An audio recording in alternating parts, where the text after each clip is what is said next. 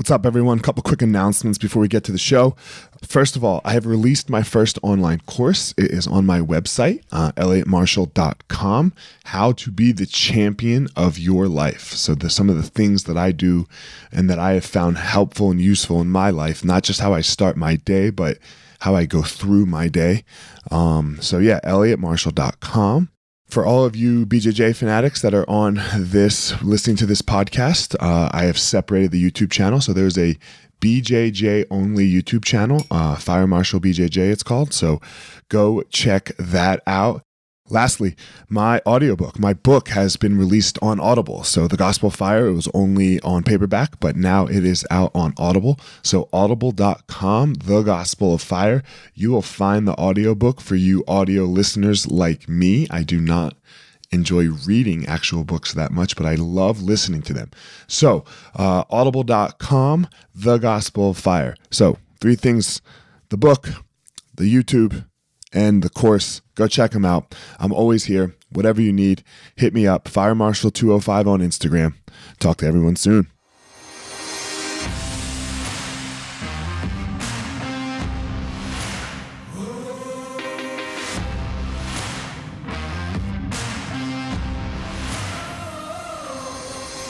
What's up, my ninjas? This is former UFC fighter Elliot Marshall, and this is the Gospel of Fire, where we are going to learn how to go into the fire so that we can find our power and live the best life possible.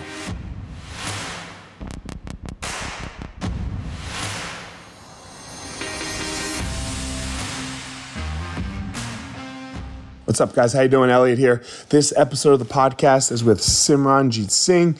He is a teacher, a student, a professor, and an activist in the field of racial and ethnical uh, injustices. Uh, we had a great conversation. He was currently at his in-laws' house in upstate New York due to COVID, and we talked about so many different things. We talked about his Sikh religion, which I didn't know much about, and we just talked about how he walks through the world and really just tries to bring light to some injustices that he feels are going on. So I hope you enjoy the episode. Here we go. Simran. What's up, Simran? How are you? I'm good. How about you? Thank you. I'm well. Thank you for dealing with my um, COVID schedule change, um, as as we all have to deal with these days. yeah, exactly. And I'm I'm right there with you, so no problem at all. Yeah, uh, just so the listeners know, uh, I was looking, uh, Simran and I have been scheduled for a little bit. And then I went and looked at my calendar today, and my kids' school started back up. It was at the beginning of the holiday break. We were at home learning. So, and now we're not. And uh, I did not schedule appropriately. So, um, yes, little COVID's changed, but here we are. Um, and you're in Buffalo, man. How's the weather? Is it freezing up there? What's going on? It's uh, it's cold. It's cold. I'm, from, right. I'm, from, Texas originally, so I'm not, this isn't this isn't my my weather, but uh, but it's nice. We're with family, so that's nice. We spent most of the year with outside of family, so so we get to be together. We get a little help with the kids. We have real people to talk to in real life. So yeah, okay. I can't complain at all. Because you live in the city now. You live in New York City.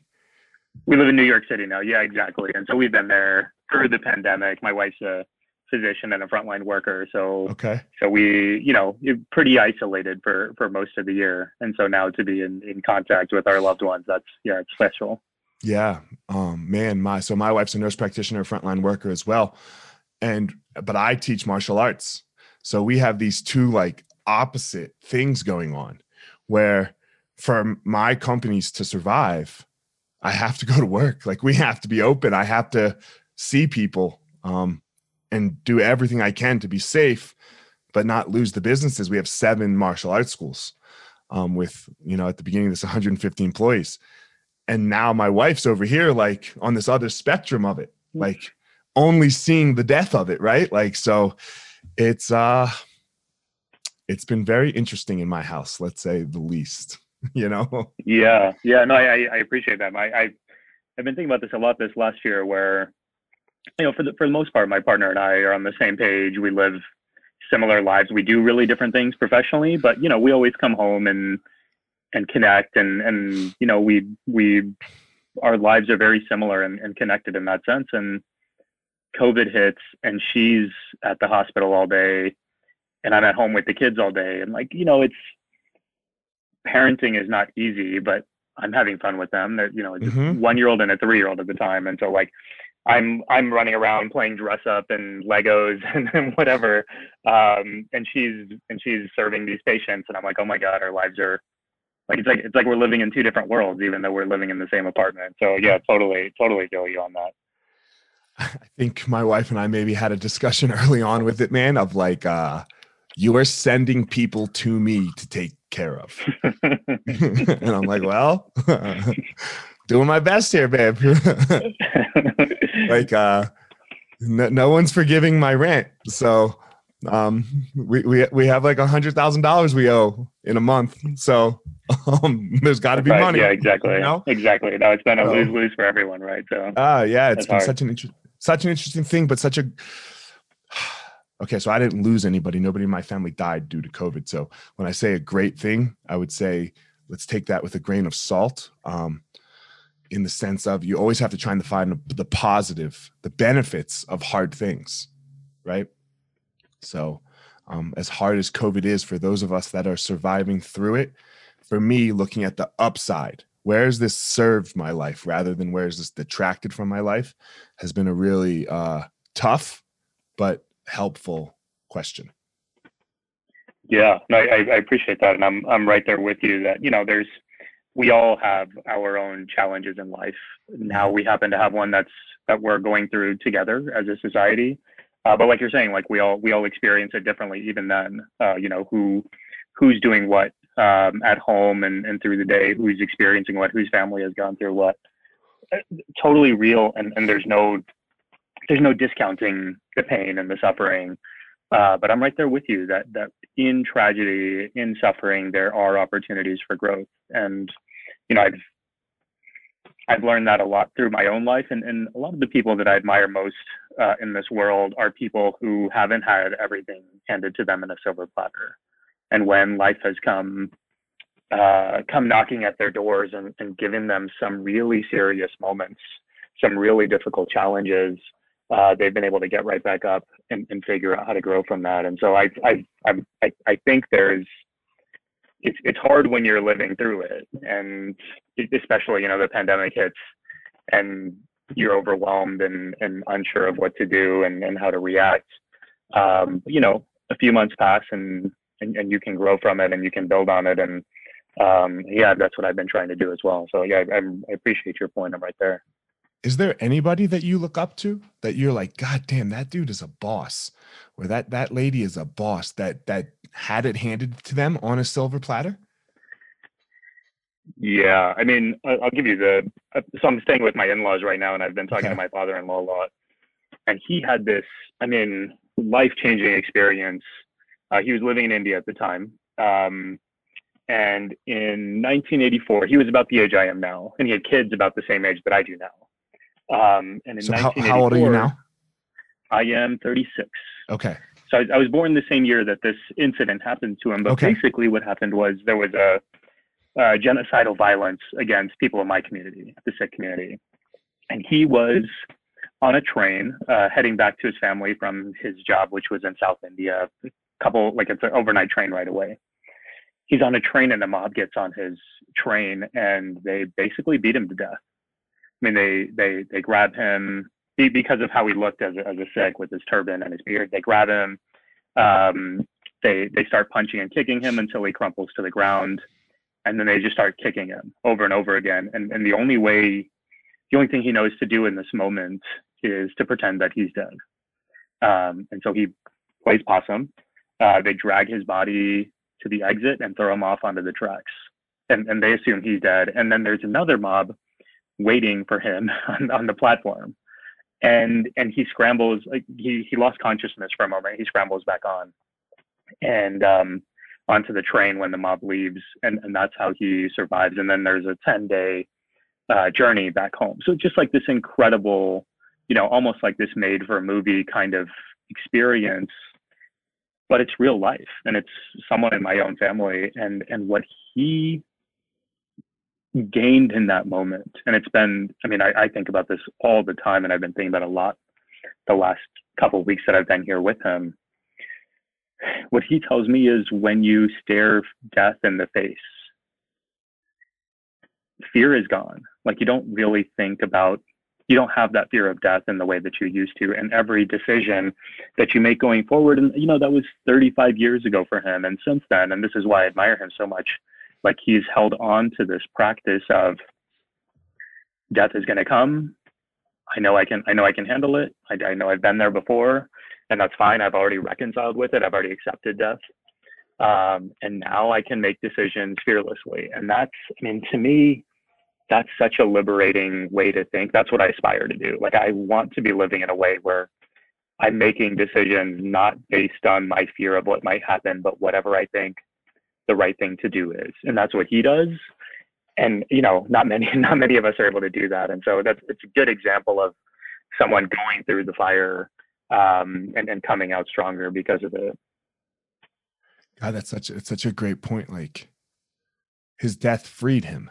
And almost probably all of our deaths are are our freedom. Because there's nothing what there's not i mean if you die then all right that's it right? Like i mean um, we all have our beliefs of what happens afterwards um but a- after that once you look at it it's it's not that scary you know? Uh, yeah I'm, exactly. I'm a fighter right? And like to the scariest part was never once somebody threw a punch. That's such a crazy thing right? Like once somebody punched me i'm like oh shit i better miss that right? Like but the scariest part was the walk to the cage the, the walking to the death right? And then you die and, yeah. then, and then it's good. That man that that story is just everywhere man. Um i want to back up for a sec because you said you grew up in texas. You said you were a sikh. Um you obviously have a turban and a long beard and you look like a sikh. You look um i'm sorry i don't know when to say you look like a sikh. You you look as though other especially in yeah. texas. So um not that texas is bad don't get all crazy people uh, uh, explain that to me. Explain that childhood of where, where, where in Texas, first of all, and then what was that like?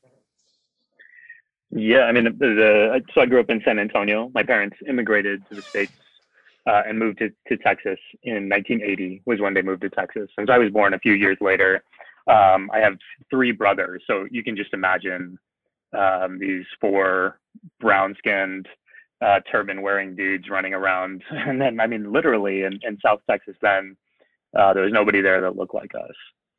But I think part of part of the experience that we had in dealing with the racism that came our way, um, in a sense, is is similar to what my father-in-law experienced in India that day, which is like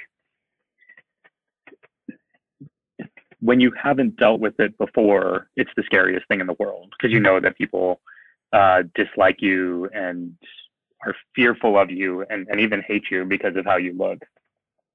But once you once you are able to accept that and deal with it, you're like, that's fine. Like I'm I'm what 35, 36 now, and I walk down the street and some people say stuff and some people don't and i'm like cool go ahead and say whatever you need to say. Like i, I know that's more about you than it is about me right? And so I, I don't take it personally anymore. Like you have to i think this is an experience that a lot of people who deal with racism have to deal with and, and other kinds of um, oppressions right? Whether it's sexism or homophobia or whatever like you have to learn from a young age how to find that confidence in yourself because you know it's not coming from the outside world like you know people are going to say stuff or there are going to be ways that you're put down or denied opportunities or whatever. And so like it's it's one of those things where yes it was hard uh, but also i think i grew stronger in learning how to deal with it. And i don't mean that in like a it's it's really cliche to say like anything that's difficult can make you stronger and and like that's the way you think about life's challenges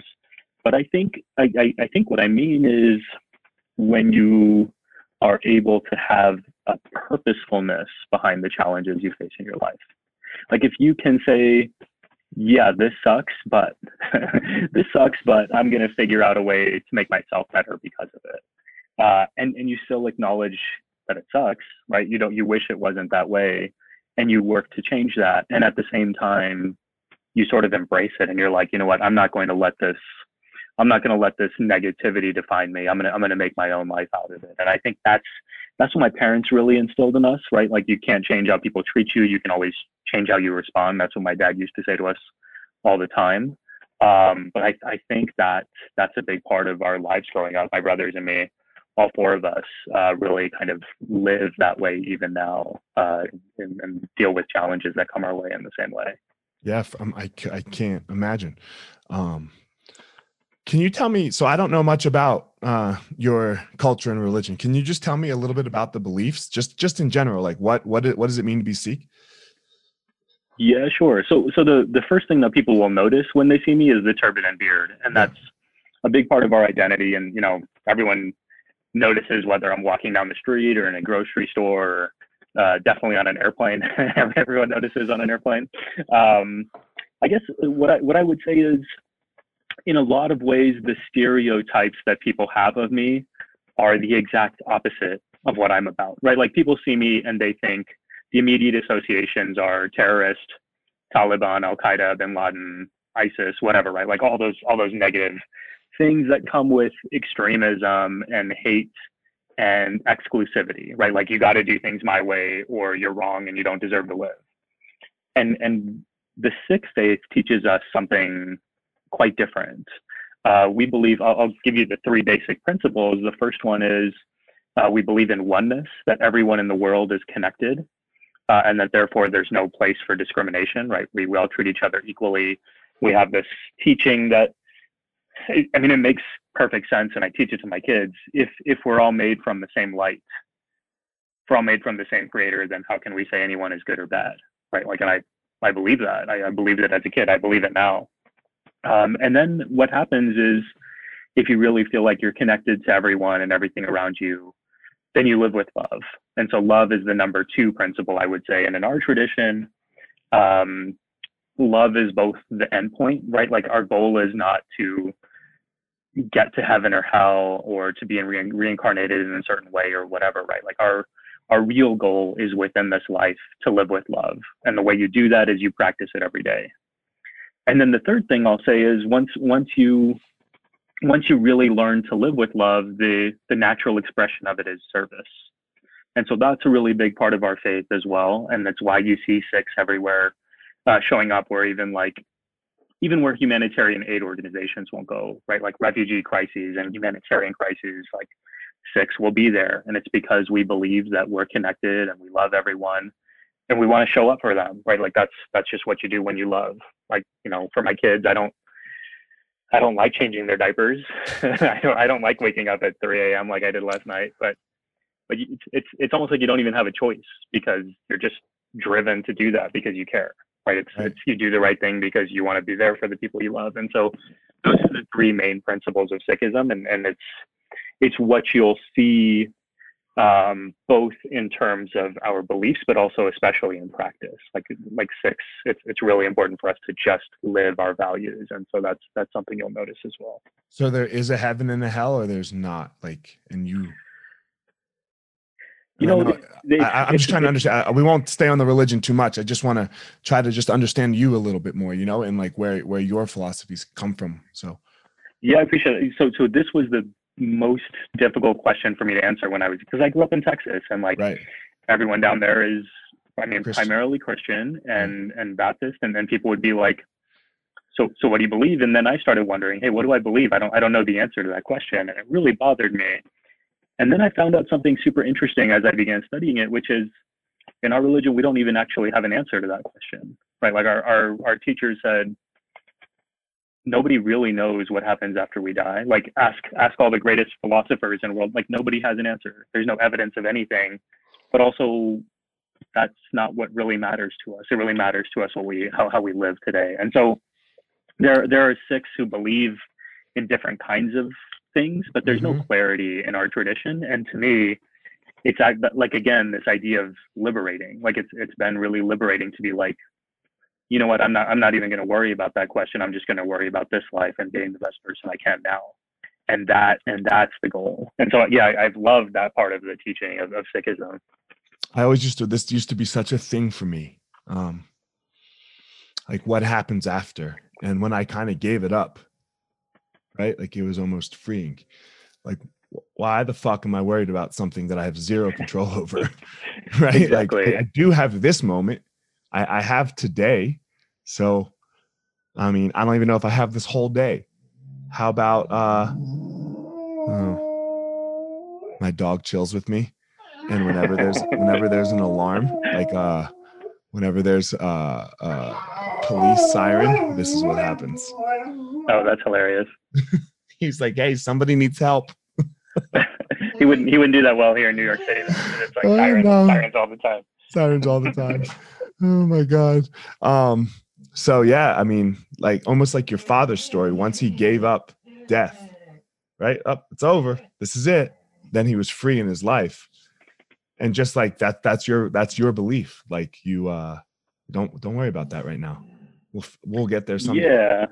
Yeah, it's, I mean, it's true. And it's, it's, I mean, I don't know if this is a great analogy, but it's almost like weather, right? Like, I don't, I don't love cold weather, right? Like, I grew up in Texas. My parents are from India. Like, we're, we're hot weather people. And I'm in Buffalo right now.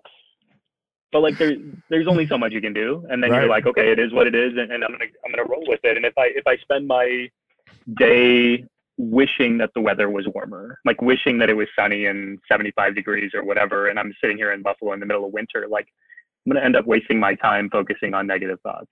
I'm, I'm, it's not going to get me anywhere. And so going back to your point earlier about there are things in life that are hard and we can either let them get us down or we can learn from them and we can grow from them right? Like there are all sorts of ways that, that you can do that. And and so I, I this this example of of heaven and hell was a really good one for me actually in in terms of my own growth of being like sure everyone around me has an expectation of what's important and and I was getting wrapped up in that and it was really bothering me right? Like it, it really bugged me to to the point that I, I was like is this even a legitimate way of living my life? Like I was questioning the entire philosophy because it didn't answer a question that other people expected it to answer. And then when I got to this moment where I was like who cares what other people what other people believe? Right? Like what difference like why should that determine whether I believe what I believe? And like how how do I how do I have that inner uh, confidence so that I can stick with my own beliefs without getting down on other people? Yeah, it was totally a freeing thing and, and a real maturing moment for me. Yeah, it's man, so interesting. How did you make your way from South Texas to New York City? What what was what you what you do there? What was what was in between South Texas and New York City? I guess is my question. Yeah, I mean, it was uh, like like a lot of stories. There, there, there was a girl that I was chasing, and she was she was in school in New York. Um, but the uh, the real the real sort of driving force for me was this desire to to really make my community, which had been unknown and unseen and and attacked over the years, like I, I really wanted people to know who we were, right? Like just imagine like looking so different that I'm I'm recognized everywhere we go, but nobody actually has any idea who we are or what we're about. And so these negative stereotypes that come into play, especially after 9/11, I mean, it was quite literally uh, a fight for survival. Like Mhm. if if we didn't, if people didn't know who we were, and they continued having these negative perceptions of us, like we were we were dying. People were killing us. And so it was it was that desire to do something for for my people, for my family, uh, and also for people that I didn't know. Right, like this wasn't just about my own community. Was also about all all sorts of other people with brown skin in this country uh, who were getting attacked. And so that's that's what I wanted to do, and the best way I knew how to do that was to go to school. Right, like it was it was to learn to learn as much as I could about history and why this was happening, to learn as much about politics and why this was happening, and then figure out how to change it. And so that's that's kind of what set me on the path of doing this stuff in in, in the racial justice world, and uh, it's why I'm still so passionate about it because you know 20 years have passed now since 9/11, and and those attacks, especially over the last five years, have just been going up. And so, you know, I'd like to think that we're getting better about this kind of stuff, but there's still a lot of work to do and a lot of urgency behind it. Yes, I would agree. There's there's uh, you know, uh, so I'm black. I'm I'm a I'm a black Jew. Uh, uh, I guess I'm not. I'm I'm Jewish. so uh, and I say that you know the podcast listeners know, but my guests sometimes don't. So I, it, it comes up a lot when we talk about these topics. Uh, so the other thing, I understand the other thing because I was an other as well, yeah. and uh, and to explain what the what it's like to be an other is a very hard thing. It, it's it's it's hard for other people to understand that your experience isn't their experience and yeah, and yeah. even even on as simple things um we we can watch the same movie and we can both have two different experiences watching that movie. So just extrapolate that out a little bit and, and, imagine what somebody else's shoes look like to walk in or even just not even look like feel like for them to walk in. Um, you get sick of walking down the street and having everybody stare at you and those people might not even know they're doing it right? Like they like I w- I won't even fault them i would say all the time for for staring at you.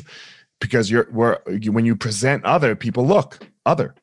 And but goddamn every fucking day every fucking person that that gets really really tiring right? That gets really tiring. Explain that a little bit. Yeah no it's, it's a I, I love having conversations with people who get it because it's, it's exactly your point, right? Like when, when I talk to people who don't who don't have these experiences, it's it's like um, it's like I, I I sort of explain for people what it's like, which is fine. I don't I don't mind doing that, but it's I don't think what they recognize is you have to relive all those experiences that you'd rather forget, right? Like mm-hmm. that's that's not fun for anyone, right? Like just just just think about stuff that causes you discomfort or hurt or pain and, and then having to to talk through that every single day and, and live through that. And, and so i mean I, I guess another way of saying it is i i recognize and this is something that i've that i've come to believe really deeply uh, through my through my work and through my life. Um, there is a real uh, unique experience that that people in my community go through in this country. That's not exclusive to us. There are unique experiences that every minority and marginalized community goes through in this country. And I think it's important that we learn how to empathize with that. And that doesn't mean we have to know everything, right? Like, so I'm a scholar of, mm-hmm. of, of history and race and religion, and I don't know everything there is to know about history and race and religion. So so how can we ever expect ourselves to to know everything, right? It's it's not possible. No, nobody's ever been there. And and I think the other point there is we're the most educated society in human history. We have more knowledge than ever before. That doesn't mean that we don't have those same problems, right? Knowledge is not going to solve our problems. It, there's more to it than that, and it's it has to be empathy, right? So like let, let's let's play that out a little bit. I'm walking down the street. You don't know who I am. You don't know what I'm about. You see my turban and beard. And, and it's easy to point to, to the lack of knowledge, to ignorance as, as the reason why you might mistreat me. But there are plenty of people who have had no idea who I am and have been able to deal with me in an empathetic way just because they see my humanity. And that's what they've learned. And that's what we're not teaching our kids. And so this is what happens to me day in and day out, right? Like I, I meet, especially in New York City, I walk by thousands of people every day. Some know who I am and some know who I am and treat me well. Some know who I am and don't treat me well. Some don't know who I am and treat me well. Some don't know who I am and don't treat me like it. Like the, the knowledge isn't what makes the difference, right? It's it's the ability to see one another's humanity. As I, as I'm thinking about our kids, and I'm thinking about Man, that was such a important thing. I'm going to cut you off there for a second. It's not the knowledge, because because it's it's but because that was so good. Say it, let, let me let me say it again here. Some know who you are and treat you well, and some know who you are and don't treat you well, and then some don't know who you are and treat you well, and some don't know who you are and don't treat you well. So the information is not because people will use the education right? I think is what you're saying here, right? You can know about the Sikh, right? Am I saying that right, Sikh? Yep. Yep. Okay. Um, and then I'm sure I come up with all these bad things that a Sikh has done, and then therefore you're that, right? And any one yeah, exactly. Sikh. And then, or you can know about a Sikh and know about all the good things that a, a Sikh has done, and and then go off of that. So it's not the information; it's a human being's ability to empathize. Yeah, exactly. And I think I mean there there so many examples we can think of in our life, but like I'm I'm talking to somebody who identifies as black and Jewish. Okay. Me. Right, like you. Yeah. Yeah. And like it's it's so easy for us to want to believe that if people just knew who we were, then they would treat us better. And I, that's what I spent most of my life believing, right? Like if people just knew who Sikhs were, then they wouldn't be so racist. And then I grow up and I'm like, oh, but look at how people treat black people in this country, right? Like they know who black people are. They know the reality. They know the history. They know the the experiences of these communities and they do it anyway right so it's not just about knowing people that's going to make us better they actually use that experience against them sometimes exactly exactly and and same and same with jews right right like it's it, it's anti-semitism is not about not, not knowing who Jews are, right? right? Like sometimes and oftentimes, if you look at the history of anti-Semitism, a lot of times anti-Semites know Jewish history better than many Jews, right? Like, and then they use that against me. them. yeah. Right, right, exactly. So, uh, no, I think I think that's a really it's it's a it's it's it's an important point because it's a trap we all fall into, including mm. myself, and, and we fall into it because we're um, misguided, but in a generous way, right? Like we want to be misguided, we want to believe in the goodness of people, and we can still, right? Like this doesn't mean we have to give up our faith in humanity but it means that we have a, a, different problem that we have to solve for our kids and i think that problem is how do we create empathy? And it's not i mean just just use it take away the marginalized piece. It's not like uh the terrorists right and the criminals don't know who i mean let, let's just say white people. You, they know who white people are they just use it against them it's, it's the same thing for everyone. It's not like they're like oh it's not the not yeah it's such a great point. They know exactly who they are and and then use it against them and then hate and then and then build a story based around that. Exactly. And that's and that's how we end up in this place where we're so polarized right? We right. end up in this place where we don't trust anyone because they're different from us. Mm, mm-hmm, we won't mm-hmm. work with anyone because they're different. We won't even we won't even have conversations with people in our family because they because they have a different political belief than us right so like that's that's where we are right now how do we get out of it in your opinion I think it's empathy. I think it's teaching our kids. So I, I think the challenge is right now, um, we have culturally prioritized knowledge, right? Like if you think about what schools look like today, and, and I can tell you as, as somebody who teaches at the college level, this is what I see consistently. Like our kids are showing up knowing how to take standardized tests. They know the formulas, they know the facts, they don't know how to live in this world. They don't know how to deal with difference. They don't know what their values are, right? Because who teaches them that? It's not happening in the schools, right? Like we've created a structure where that's not prioritized. And then you end up with this society where everyone's confused, right? Where we're scared of one another. We don't know how to deal with our different beliefs, our different backgrounds. And, and it becomes so divided that we have nowhere to go. So I think what we really have to do is prioritize teaching our kids about empathy? How do we see the humanity in everyone that we meet? How do we respect people? How do we how do we still believe and honor our own sort of particularities, what makes us different, while also not feeling threatened by other people's differences, right? Like I think that's I think that's something that we haven't really thought so much about. That we can be different and proud of our difference without feeling threatened by other people who are also different and proud of their differences. Right, right. Um, can I ask a question about that a little bit? Um, do you think the idea of identifying as something, like you hear this term identity politics all the time, right? and I and I go back and forth with it, yeah, because I am a black Jew, uh, right, and you are a Sikh and, and you pointed out, and I'm trying, I'm struggling with the words because, like, you know, this wasn't a, like I said, not planned, but it's just a thought in my head that I'm trying to maybe unskillfully get out as I say it. Um, this idea of this is who I am, and because we, you just pointed out that knowledge is is not the key here. Humanity and empathy to a, a human is the key.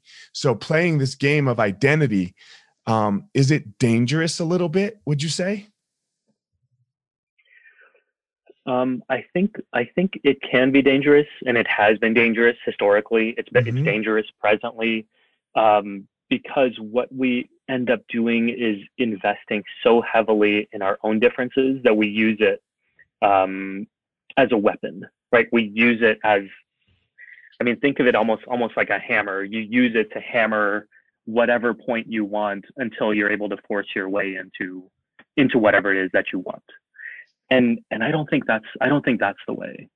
I think the way is really we we respect we we embrace our different identities uh, as a way of appreciating who we are as individuals and then we show up in a way that says i i see your identity i see my identity. These are the ways they overlap and these are the ways they're different. And i think so so here's the thing that happens with identity politics. We end up boiling ourselves down into one discrete identity. We'll say i'm a democrat and you're a republican. Yeah. or we'll say i'm black and you're white right? Or we'll say whatever. Whatever. but we ignore all the things that connect us at the same time. And when we do that we lose the sort of the fabric that ties it all together. And so that's that's where identity politics falls apart when we when we oversimplify it to the point where we lose the the connection. Um, and so if we can if we can hold on to the connection rather than weaponizing it and saying i'm black and you're white and here's my experience and here's yours but also i'm a dude right? and i and i've experienced this world as a dude and, and we connect there. Or like i'm a sports fan and then we connect there or i am a i, I don't know Father. a, a father whatever right like there's Right, a million things that define each of us and and when we boil it down into one like we do a disservice to the people we're talking to and interacting with but we also do a disservice to ourselves right like for me it's a huge part of my life that I'm a sports fan. Like I spend way too much time paying attention to sports, and and when people see me on the street and miss that, right? Like they they see a turban and a beard, I'm like, oh, It's but you have no idea who I am because Yeah. yeah, exactly. Because I'm like I like basketball too, right? Like, and and of course that wouldn't cross their minds that that's something that could be important to me and how. how but like the, the point is Are you a Knicks fan? the richness. Oh no, I couldn't be. I, I grew up in San Antonio, so Okay, so you're a Spurs fan. life. okay, all right, got. Yeah, so you're yeah, a Texas everything. so you're a Cowboys fan. You're that. Exactly. Yeah, in San Antonio we didn't have a football team, so it was Cowboys. Uh, the Oilers were good when we were young, but Right. you, you sort of pick and choose. So it was it was uh, I'm about to hang up this Spurs, call because you're a Cowboys. Cowboys fan. who's who's your team? uh, you know, I was an Eagles fan growing up because I grew up in South Jersey, Oh, there we go. Okay. and then yeah. and then I, uh, when I when I moved to Colorado, uh, I was still an Eagles fan, and then but I have a pit bull, and that's the I have, I've always had pit bulls ever since I was an adult. So when the Eagles got Michael Vick, it was a real struggle for me, like That's a real Yeah, real that's struggle. So I had to leave my Eagles and. And I was like, okay, who's like, so I, I became a Broncos fan because the Broncos were terrible. I couldn't pick a good team, right? You can't be like, yeah, oh, exactly. who's Yeah, good? you can't bandwagon jump. Right. So I think Bubby Brister was and the and you're they're local to you too, right? yeah, and they were local, and my kid could get around it. Yeah. You know, so I'm like a Broncos. Yeah, I'm a Broncos Eagles fan. Because now that now that Vick's gone, as soon as Vic was gone, I can't, you know, and it's not that I don't believe in forgiveness and coming back and second chances. I just, uh, you know, I identify more as a pit bull owner. Yeah, yeah, yeah. There you go. I, that's a, I mean, it's a good example of how this Yeah. stuff works, right? Like yeah, you, we've talked about all sorts of identities, and all of a sudden you're like pitbull owner. Like that's a real thing. yeah, it's a and real like thing if I, for if me. I saw you on the street, I wouldn't have crossed my mind. But yeah, it's important to you. So anyway, yeah, I think Yeah. I think that's a it's a it's a really help, helpful way of thinking about this identity politics question. That like as soon as you oversimplify it into one thing, you already lost, right? Like you you have to be able to somehow hold up the the richness of what makes us human. but where it's where it gets simplified where it gets super uh tricky is like you get these one issues like because a lot of people can boil it down to one thing right? Like and then you'll have this massive disagreement around one topic right? Like Yeah. abortion for example let's you know like and Yeah. then like so i have to go over here. And even if they won't agree with everything over here but um but donald trump will fight against abortions. So they'll stay there forever no matter what. And then they'll become this huge raging donald trump fan let's say and and we're we, we're seeing that in in our world right? Where where this one identity is so hooked in us. How do we lose that? Yeah i mean it's a good question. So so i think there there are two different ways of answering that question. The first is how do we how do we help other people open their eyes to the to the additional issues right? Like and, and go beyond abortion? I think that's a harder question of because course. that has to do with how other people view the world and how they experience it and what they're willing to do. I think the easier question and the, the more uncomfortable question is how do we do that for ourselves? And that I think that's the money question. Like that's that's that's where the that's where the real good. treasure is. But it's also but it's also so much harder, right? Like yeah, it's so much harder to go to even accept for yourself that I, I do the same thing, right? Like I'm sitting here in Buffalo pointing my finger at people who boil things down and, and over. Fuck you! You them, voted for Trump. Right? Fuck you! Fuck you! Yeah, you I, voted I mean, for Donald Trump. and it's the same exact thing. Think, yeah. Yeah. So like, what's what's helpful for me at least is to go back to my friends in Texas, right? Like not not physically, but in my head. When I start when I start going down this rabbit hole, and I you can notice it in yourself if you try, if you, if, if you're aware of it. But I'll, I'll find myself becoming really um, angry at a large group of people who I don't know personally, right? And like, and, and that's fine. I think it's fine to be upset at like the injustices that come out of it, and that's that's reasonable and fair. But when you start extrapolating that onto individual people and being like, I hate you because you are this way, I think that's where you get into real danger. And what protects me from that is in those moments when I find myself going that way, I just think about my best friends from high school who I'm still super close with, and many of them are completely opposite in their politics than I am. And then it's a lot easier for me because I know they're good people. And I, am not just saying that because I want to believe it. Like I've known these people my whole life. I, I trust them with my life. They've they've shown up for me. Like a couple of the guys I'm thinking about have actually like in soccer games and basketball games have like come up and fought with me when people said racist stuff to me. Like like literally had my back in, in a way that maybe maybe a handful of people in your life would be like that right? So like some of my most trusted friends and i think about them and i'm like i know in my heart like i would trust these people with my lives. We disagree on these politics but that doesn't mean that i that i can't see their humanity because they see mine even though even though they're willing to do these things that i that i find harmful and i think that if we're able to do that right like if we're able to go inside of our relationships where we have that trust and we can accept that difference then we can start building it outwards to the other relationships and, and even the places where we don't have relationships and see the humanity in, in people who are different. That was really good. I don't know what to say because I, I, I agree with you. I mean, I have friends. Uh, one of my best friends, yeah, he like this is the first. I mean, like staying on the politics side, this is the first election where we voted the same because we agreed on who to like. Colorado was a done deal, right? It was just a done mm-hmm. deal. Mm-hmm. Like, uh, yeah, Biden was winning. Uh, I guess from my sake, I didn't have to worry about Trump winning winning uh, Colorado, and I didn't like Biden that much right? Like I, I am not like like uh, I've been super vocal about this. Obama, fuck man, I'll vote for that dude a tenth time, um, personally. Um, but Biden didn't do it for me so much. Like I, I didn't want Trump, but at the same time, it was sealed and dealed that Colorado was going that way. And my friend didn't want Trump, but he wasn't going to vote for Biden. There's no fucking way because he's a like staunch Republican. So we just agreed. This is the first time we ever voted the same way, and we probably won't ever vote the same way again. I don't know. But goddamn, if I needed him right now, he would drop everything. Yeah. Like yeah. 16 election, we voted op- opposite. I voted Hillary and he voted Trump. And yeah, we can argue about all that, but like you said, he would drop everything right now. If I was like, yo, dude, right now. Like, so why am I going to hate him? Yeah, exactly. And that's been one of the hardest things for me to watch in the last five years. Like people, people like literally losing family members mm-hmm. over disagreements, like political disagreements. And and again, like I, I understand, I understand the passion behind it.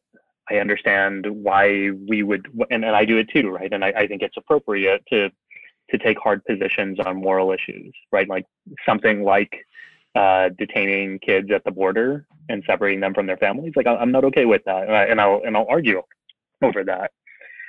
But that doesn't mean that I have to reject someone entirely. I don't have to cut them out of my lives for it, right? Like we we disagree, that's fine. But but you know, there's there's a there's this trend, uh, especially among progressives, to say um, if you are if you're not part of the solution, you're part of the problem. And if I'm friends with you, then then I'm complicit in it too. And I'm like, no, I, that's that's not how this thing works, right? Like, and and again, I go back to the people that I admire most, like my father-in-law, who I started with, and I'm like, he that's not how he lives in this world, right? Like mm-hmm. part of what part of what it means to be free of fear is being able to figure out how to engage with people who hate you, who want to hurt you, who want to harm you, right? Like he was able to do that in his own life and, and i want to be like that too. Like i don't want to live with that anger. I, I don't think it's healthy and it's not something that i that i want to pass down to my kids either.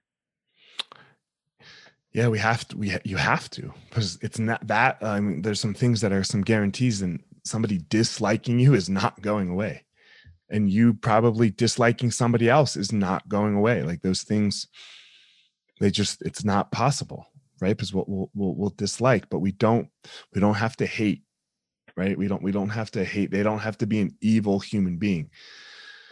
I, I, you know i don't know. Do you think there are things that can make someone an evil human being? Like like is do you do you have that line? Um so so according to my faith i, I don't think there's such thing as evil right? Okay. like I, I think everything is uh inherently connected. Everything is uh inherently good uh, but I think people can be corrupted for sure. And like that's an easy thing to square because what what we what happens in our own lives is what happens in the lives of those who are, I think, the most uh, denigrating, hateful people, right? And that's we learn these these toxic ideas. I, I learn them as much as anyone, right? Like even if I think about what I learned in school growing up in Texas, like I learned idea like I learned about Columbus being this uh, incredible hero, right? Exactly. And he was he was one of my biggest heroes in life. And then all of a sudden, I find out he's a genocidal maniac who who like killed indigenous people for fun. And I'm like, that's that's not the right idea, right? Like, so, so it's these kinds of things that we're all socialized into. We have all these racist ideas in our heads. And so when, oh, when you, me, sorry, bless you. No, no worries. When when you when you're able to acknowledge that these ideas are inside of you too and inside of me too, then it's a lot easier to be like, oh, I see how someone could have gone down this path and become so um, so hateful and angry that they end up becoming uh, radicalized, right? Yeah, Hitler or or um, Spen- Richard Spencer or any of these any of these figures who are um, just so spiteful that they're willing to hurt others knowingly uh, because they truly believe that they're inferior right? They're they're supremacists right? Like i i think this supremacist ideology is really alluring. There's a reason why we keep seeing it over and over again in human history. Um, it feels good to be able to say i'm better than you and and it's it's easy to justify that but but we all have um, it in some way right? Don't we we all have this supremacist thing like superior like this this idea it, it's it's um we try to be sometimes. Yeah exactly. And and i don't think i mean i think there's a difference between being competitive uh, and being a supremacist. And i think the um the the logic of supremacy is is really well aligned with with modern ways of thinking right? Like we we we live in a society now where we say it's a meritocracy right? Like the people at the top deserve it uh, the people at the top uh, are inherently better. Uh, they work harder, they're smarter, all those things, and and we don't really think about things like um, like the values and morals that put them at the top, and the generational wealth that keeps them at the top, and the kinds of oppression that has to occur to keep everyone else on the bottom. And and so it's it's a really easy narrative to fall into, and until we start asking those questions of how it all functions, it's it you know it's it's hard to break out of that I'm going to argue against a little bit just for yeah, go for it. Just for talk's sake, and and and um, I don't know that I believe everything I'm going to say. How, okay, so just just for our just for discussion's sake, let you know. Um, yeah. Man, it sounds like you want to equalize out outcomes. What do you? I mean, I think equalizing outcomes yeah. is awful. I mean, so that part I do agree with, and I don't know if you're actually saying equalize outcomes, but um, uh, equalizing the opportunity for everyone, I, I, I definitely do agree with. But I don't believe in equalizing outcomes. Like you don't you don't just deserve things. Um. Yeah, I, I don't. here's the part where I'll agree with you. I, I don't actually know what my answer is to that either. Okay. I, I think I think what I'll what I'll what I know for sure is that some of the things that I believe everyone deserves they don't have currently in our society. I agree. Right. So like I don't think people have uh, equal access to like I think healthcare is a human right. I do. People don't have healthcare. I think water is a human right. People don't have access to water. I think education is a human right. People don't have access to education. And so before before I'm willing to go down that topic of equalizing outcomes, I'm like, you know what, first, first let's start treating people like humans and then we can talk about what people deserve and don't deserve but like we're not giving them what they deserve right now. And so that I, that to me is the sticking point.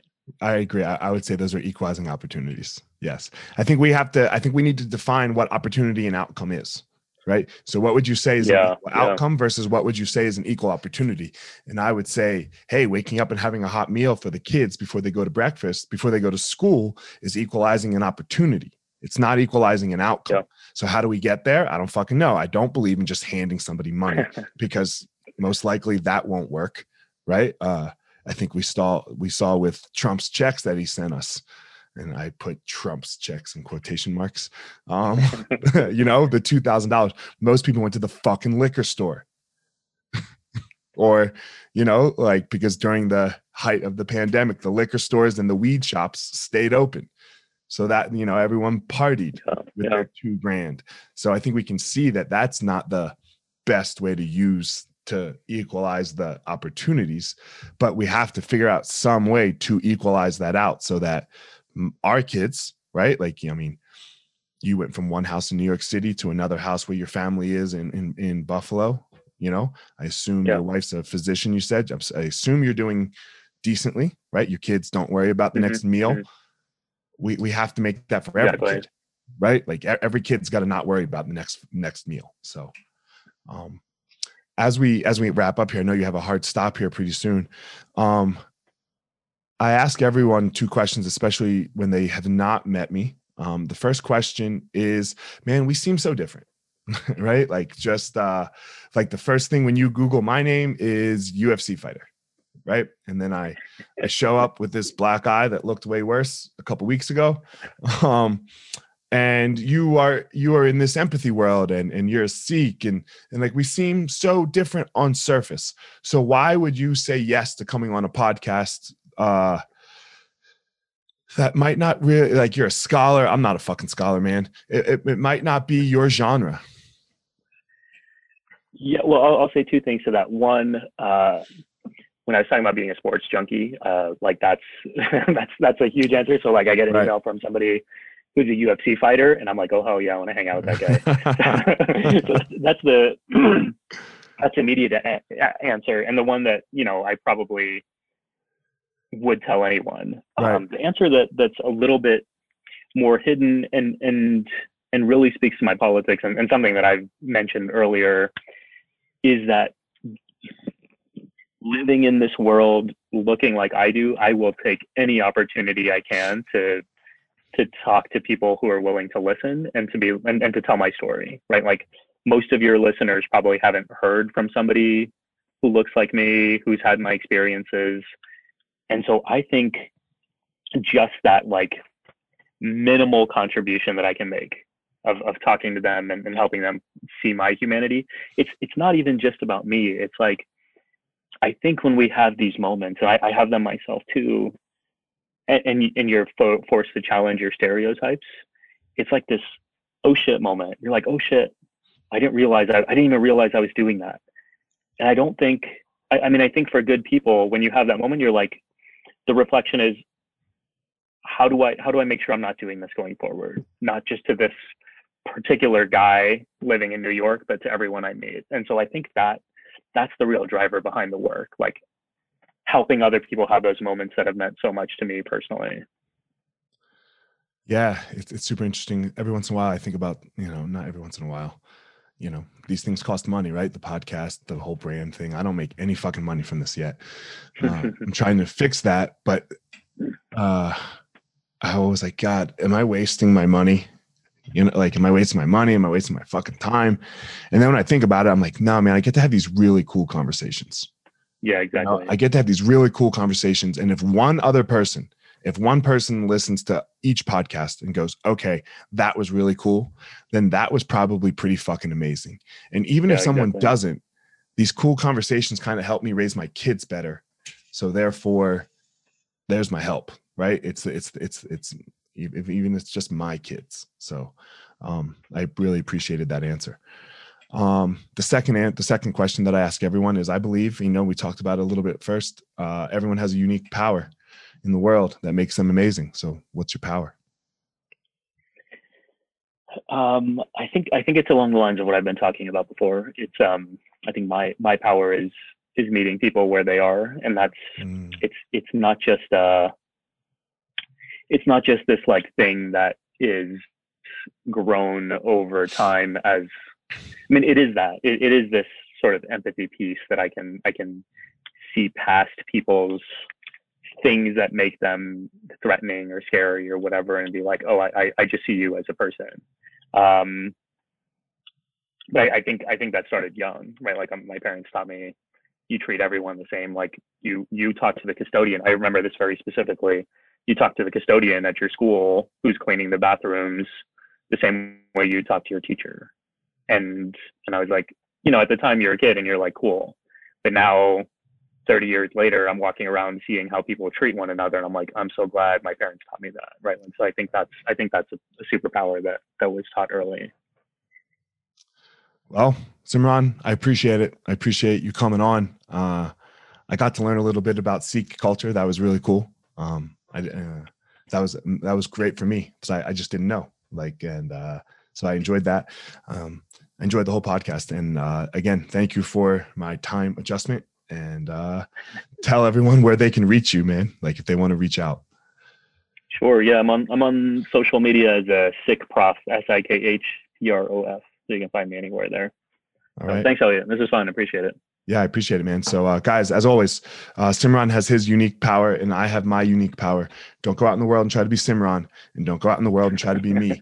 you go out there and you find your own power. All right, everyone, thanks for listening to this episode of The Gospel of Fire. If you enjoyed the episode, I'd love a review on iTunes or wherever you are listening to this podcast. Don't forget to follow me on social media at FireMarshal205. If you are a BJJ enthusiast, check out my YouTube channel. I put all kinds of instructional DVD uh, videos out on there, so go check it out. My book is still out on Amazon by the same name as the podcast, The Gospel of Fire. So if you are interested, go check out that. And most importantly, guys, go out there every day, find your power. Thanks a lot. Guys, look, I get it. I totally get it. You opened a martial arts school, and man, it's kind of crushing you. There's all this other stuff to do other than teach, right? You love teaching. You love jujitsu. You love Muay Thai. You love karate. Whatever it is you're you're teaching. And man, but there's all this other stuff. There's there's the front desk. There's there's taxes. There's curriculum. There's cleaning. There's there's problems, staffing, covering. Whew, man, it's so much. It's so much. Well, let me tell you, uh, we have started what's called Easton Online. And Easton Online is here to solve all of these problems for you. Easton Online is a digital academy for martial arts school owners and managers. Will help you establish or enhance your business with best practices. Most importantly, we're going to help you get back to what it is that you love most teaching and doing martial arts. Okay, so for more information, guys, go to easton.online. Again, that's easton.online. Add your email. You're going to get notified about the course launches. Our first course is going to be all about the first impression specialists, your front desk.